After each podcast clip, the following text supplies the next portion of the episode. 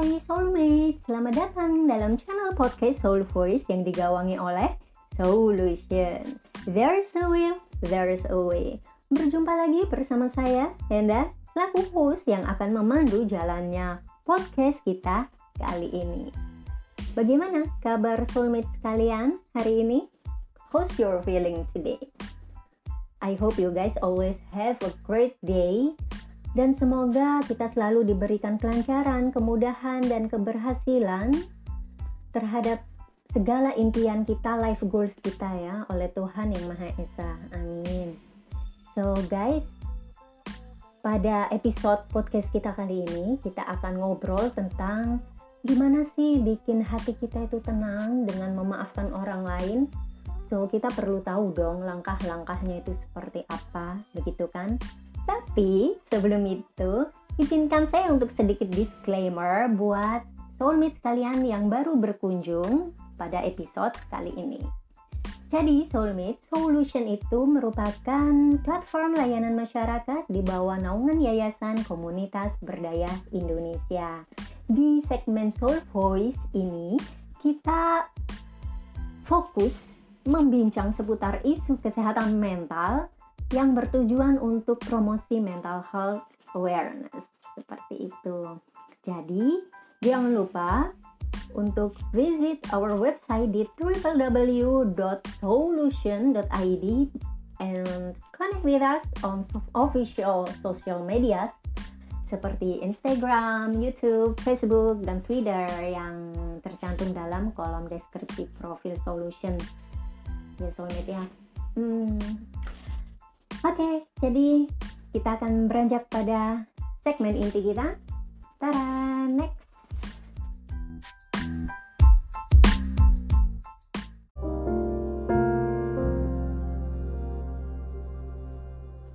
Tara, kita masuk dalam segmen inti kita tentang bikin hati kita tenang dengan memaafkan orang lain. Ini langkahnya. Oke, soulmate, kita semua pasti pernah dong ngalamin pengalaman yang kurang menyenangkan yang berhubungan dengan orang lain termasuk kita sendiri sebenarnya seperti marah, kecewa, sedih terhadap orang lain yang uh, yang menyakiti atau mengkhianati kita. Hmm. Saat peristiwa itu telah berlalu yang kemudian suatu saat tiba-tiba ingatan itu kembali, tiba-tiba lewat gitu kan ingatannya, maka uh, kita sadar atau enggak tiba-tiba kita kayak ngerasa apa ya, merasakan emosi negatif itu lagi. Pernah nggak kalian merasakan itu tiba-tiba nih? Contohnya kita habis putus, kita marah, kecewa gitu kan sama si mantan. Kemudian kejadian itu atau peristiwa itu udah lewat nih, udah berlalu nih. Kita sudah berusaha move on gitu kan. Kita lagi moving on, tiba-tiba ingatan itu uh, mencelok lagi apa? Mencelok hinggap lagi gitu kan. Hinggap lewat gitu kan, strip. Kemudian kita ngerasain benci, marah lagi gitu kan. Nah, pernah nggak? Atau ini ya masalah yang lain juga itu bisa sebenarnya. Nah, tentu di antara kita tentu pernah dong uh, ngerasain begitu sulit memaafkan kesalahan orang lain sebab kita terus mengingatnya. Tentu hal itu mengganggu perasaan dan pikiran kita. Setuju nggak? Nah, uh, sepakat atau tidak? Uh, soulmate sekalian itu tapi kalau menurut uh, saya ya rasanya tuh sangat nggak enak gitu loh kalau kita membenci orang yang telah menyakiti kita. Rasanya ya nggak nyaman gitu kan. Pernah nggak soulmate sekalian merasakan seperti itu? Nah barangkali kita telah, uh, telah berusaha memaafkan kesalahan orang tersebut akan tetapi kita akan kembali membencinya bila mengingat kesalahan orang itu. Emang sih, nggak semua orang bisa cepat memaafkan kesalahan orang lain gitu. Semua pasti membutuhkan waktu dong. Semua butuh proses. Namun ada juga orang yang mudah memaafkan orang lain, yang ketika ada yang menyakiti dia, kemudian dia memaafkan gitu kan, cepat memaafkan dan lupa dengan kesalahan orang lain. Akan tetapi ada juga orang yang sulit memaafkan kesalahan orang lain. Apakah itu termasuk kalian atau bahkan saya juga? Nah, lalu gimana sih bila kita terus mencoba untuk memaafkan orang lain? Ya tujuannya ya bikin hidup kita biar tenang gitu loh dan damai. Gak masalah bila kita sulit melupakan kesalahan orang lain selama kita memaafkan. Ada kan quote yang bilang, oke, okay, uh, eh, saya memaafkanmu tapi tidak untuk melupakan. Ada kan? Pernah dengar nggak seperti itu? Nah, Soulmate, memaafkan itu adalah sebuah pilihan. It's your choice to forgive or not. Jika kita nggak bisa melupakan, setidaknya tugas kita selanjutnya adalah membuang segala perasaan negatif, emosi negatif kita yang telah berlabuh dalam diri kita. Semua yang terjadi dalam hidup kita itu tentu adalah suatu pembelajaran begitu loh. Jadi ada orang yang hadir dalam hidup kita itu bisa sebagai suatu blessing atau keberkahan atau bahkan sebagai lesson atau pelajaran bagi kita. Oleh sebab itu kan eh, kehidupan adalah guru terbaik. Termasuk orang-orang yang hadir dalam hidup kita yang memberikan impact positif maupun negatif. Seperti itu. Nah, dengan kita berpikir bahwa uh, apa pun yang terjadi dalam hidup kita itu adalah suatu pembelajaran, maka kita akan bisa belajar dari pengalaman tersebut. Jika kita nggak bisa melakukan dengan satu cara, maka kita bisa mencari cara lain sebagai alternatifnya. Karena setiap cara, misalnya untuk memaafkan orang lain, satu individu dengan individu yang lain itu berbeda-beda, sesuai dengan pengalamannya dan karakter orangnya tentu. Nah, yuk uh, kita coba. Di sini saya akan coba menyebutkan 10 langkah untuk memaafkan orang lain. Jadi semoga salah satunya at least itu ada yang cocok dengan soulmate sekalian ya.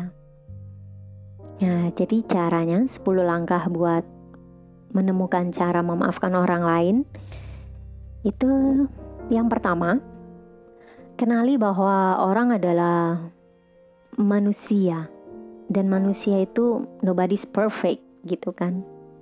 Tidak ada yang sempurna, termasuk diri kita juga. Setiap orang termasuk kita pernah berbuat kesalahan kok. Maka cobalah untuk ambil nafas dalam-dalam. Inhale so deep. Oke. Okay?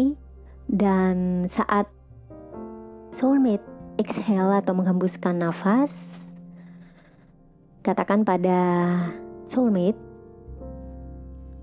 jadi katakan pada diri kita sendiri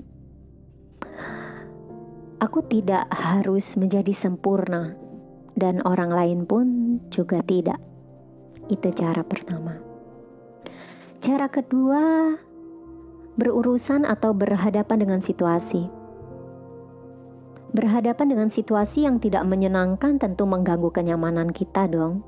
Agree or agree gitu. Setuju atau setuju? Sepakat? Sepakat aja lah.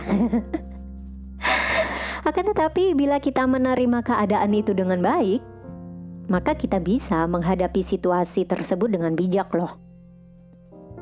Itu yang cara kedua. Cara ketiga, ekspresikan emosimu. Nah, dengan cara mengekspresikan emosi kita dengan cara yang baik tentunya, tentu merupakan langkah yang bijak. Kita boleh kok untuk mengekspresikan rasa marah dan kekecewaan.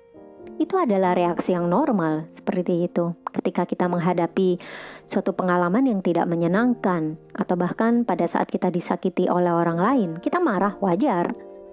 Nah, yang menentukan pilihan kita adalah apakah kita memilih respon itu dengan mendiamkan, kita tahan saja, kita pendam, padahal di batin ini benar-benar kayak menggebu-gebu gitu. Kita berusaha uh, kita berusaha untuk bersabar gitu kan. Oke sabar sabar sabar. Akan tetapi kesabaran itu justru uh, kesabaran tuh bagus. Akan tetapi untuk reaksi normal ketika marah itu adalah hal yang wajar. Akan tetapi ketika kesabaran itu justru menekan menekan uh, emosi negatif itu untuk tidak keluar apabila itu terjadi berulang kali, maka itu kurang berdampak baik bagi uh, emosi dan psikis kita seperti itu. Jadi it's okay to uh, express our emotion termasuk rasa amarah gitu kan. Kita boleh marah kan tetapi cara mengekspresikannya itu bisa dengan cara yang baik. Misalnya nih, ketika ada yang menyakiti orang lain kita marah gitu. Reaksi uh, yang baik kita untuk mengekspresikan emosi. Misalnya, ketika kita membanting pintu atau merusak barang, tentu itu bukan cara yang bijak untuk mengekspresikan emosi negatif berupa marah gitu kan. Akan tetapi misalnya kita bisa kok uh, mengekspresikan marah dengan cara misalnya nih uh, soulmate sekalian nulis nulis semua nulis tentang semua perasaan soulmate sekalian semuanya dalam sebuah kertas putih gitu kan? Ungkapin semuanya tanpa malu-malu. Setelah lega baru deh gitu kan? Uh, soulmate remas-remas itu dengan penuh kemarahan. Jadi kemarahan soulmate uh, arahkan semua ke remasan kertas itu. Kemudian soulmate bisa lempar kertas itu dengan mengatakan oke okay, pergilah jauh-jauh dariku. Bisa seperti itu. Itu kalau dalam psikologi disebut katarsis ya untuk uh, untuk mengekspresikan rasa emosi yang baik seperti itu. Nah, selanjutnya langkah keempat adalah terima permintaan maaf orang lain dengan semangat yang diberikannya, dengan niat yang diberikannya, seperti itu. Jadi, saat orang lain meminta maaf pada kita, terimalah dengan tulus, seperti niat ia meminta maaf, sebab meminta maaf itu bukan hal yang mudah, loh, soulmate. Dibutuhkan apa ya? Uh, orang yang meminta maaf itu membutuhkan untuk menurunkan egonya untuk bisa meminta maaf. Karena meminta maaf itu hal yang kalau menurut saya itu lebih susah daripada memaafkan. Karena berkaitan dengan ego. Nah, maka bersyukurlah bila ada yang berani meminta maaf pada kita. Itu. Langkah kelima, cobalah untuk meyakinkan diri kita untuk tidak menghakimi atau memberikan judgement gitu kan atau menilai secara negatif terhadap orang lain. Jadi apa yang seseorang lakukan kesalahannya terhadap kita bukan berarti kita boleh dong untuk menjenari, uh, mengeneralisir bahwa ia bukan orang yang baik dan akan melakukan kesalahan yang sama atau melakukan kesalahan lagi pada kita. Halangkah lebih bijak bila kita cukup meyakini bahwa ya mungkin ia sedang hilaf saat menyakiti kita. Dan semua orang bisa berubah. Alangkah lebih bijak bila kita memberikan kesempatan orang untuk berubah lebih baik. Oke, langkah ke-6 Coba deh cari bantuan profesional if you need it jika jika soulmate membutuhkan.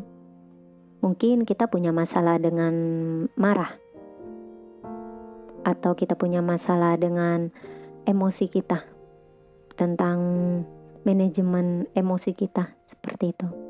Nah, bila rasa marah hingga muncul dendam karena orang yang menyakiti kita, hingga mengganggu fungsi kita dalam beraktivitas dan berkehidupan sosial atau berhubungan dengan orang lain, maka Gak ada salahnya kok bila soulmate mencari bantuan profesional untuk mengatasi masalah anger soulmate atau mengatasi masalah emosi negatif soulmate seperti itu.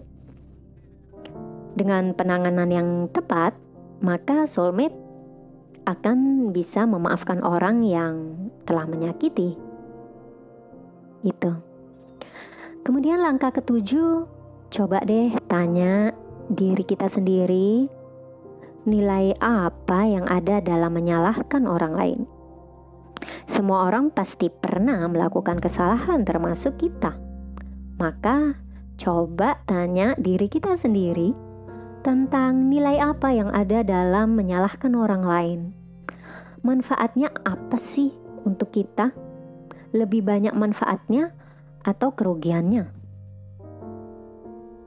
Langkah ke-8 Luangkan waktu untuk merenungkan rasa dendam kita. Apabila emosi negatif itu sampai uh, membuat kita merasa dendam ya pada orang yang uh, menyakiti kita. Coba deh ambil waktu khusus special time gitu kan untuk merenungkan rasa dendam yang sedang kita rasakan saat ini. Coba deh rasakan bagaimana pengaruhnya terhadap kehidupan kita. Bukankah melepaskan rasa dendam itu pergi akan membuat kita merasa lebih tenang, merasa hidup kita lebih damai. Dan langkah uh, kesembilan, kenali bahwa ada hal-hal baik dalam hidup kita. Jadi, lebih baik kita fokus dengan hal-hal baik dalam hidup kita ketimbang fokus pada hal-hal yang menyakitkan. Dan yang ke-10 adalah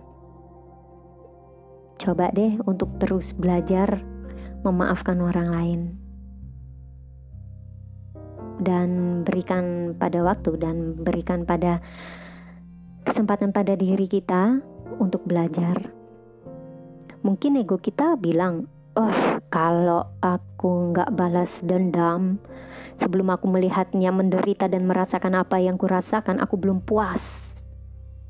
Mau sampai kapan kita memberi makan berupa kepuasan terhadap rasa dendam dan ego kita yang negatif? Alangkah baiknya ketika kita memberikan makanan yang positif berupa memaafkan orang lain demi kedamaian hidup kita sendiri. Toh juga ketika kita merasakan atau memendam dendam itu juga tidak hanya memberikan atau membawa dampak yang negatif bagi mental kita kan tetapi juga pada fisik kita. Imun kita bisa turun karena hormon yang uh, yang memproduksi stres atau yang memicu stres itu terus ini uh, keluar begitu.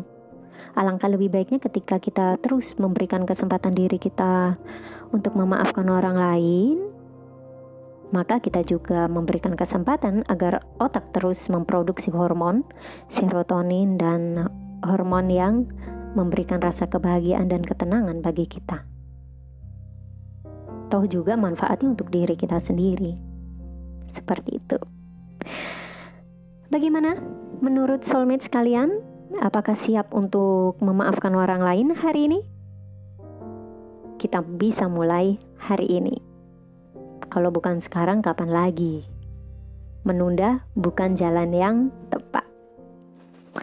Jadi, soulmate itulah langkah-langkah memaafkan orang lain. Semoga kita bisa sama-sama belajar ya untuk menjadi pribadi yang pemaaf dan teruslah berdoa kepada Tuhan yang Maha Esa agar kita terus menjadi orang yang mudah memaafkan orang lain. Seperti itu. Oke, sekian dulu untuk episode kita kali ini dan kita akan berjumpa pada episode episode selanjutnya dengan tema-tema mental health yang lainnya. Dan probably next time kita akan ada sesi uh, ngobrol juga dengan para pakar mental health. Jadi tidak cuma saya yang ngobrol sendiri seperti ini, berasa kayak ngobrol satu arah gitu kan. Kayaknya ya kurang asik dan mungkin bisa uh, bikin bosen kali ya seperti itu baik Thank you for your attention and for your listening, soulmate. Kita akan berjumpa lagi di episode mendatang. Jangan kapok-kapok untuk berkunjung uh, di channel podcast Soul Voice ini dan jangan lupa untuk visit our website dan yuk yuk kita saling follow juga di sosial media ya di Instagram. Uh, kalau di Instagram, soulmate bisa follow di solution S O U L. Jadi spellnya atau ejaannya S O U L U T I O N. Oke? Okay? solution underscore ID oke. Okay. sekian dulu dari saya dan mohon maaf ya sebesar-besarnya kalau misalnya ada yang kurang berkenan dari kata-kata saya. Oke? Okay? karena kesempurnaan hanya milik Tuhan. Terima kasih. See you next time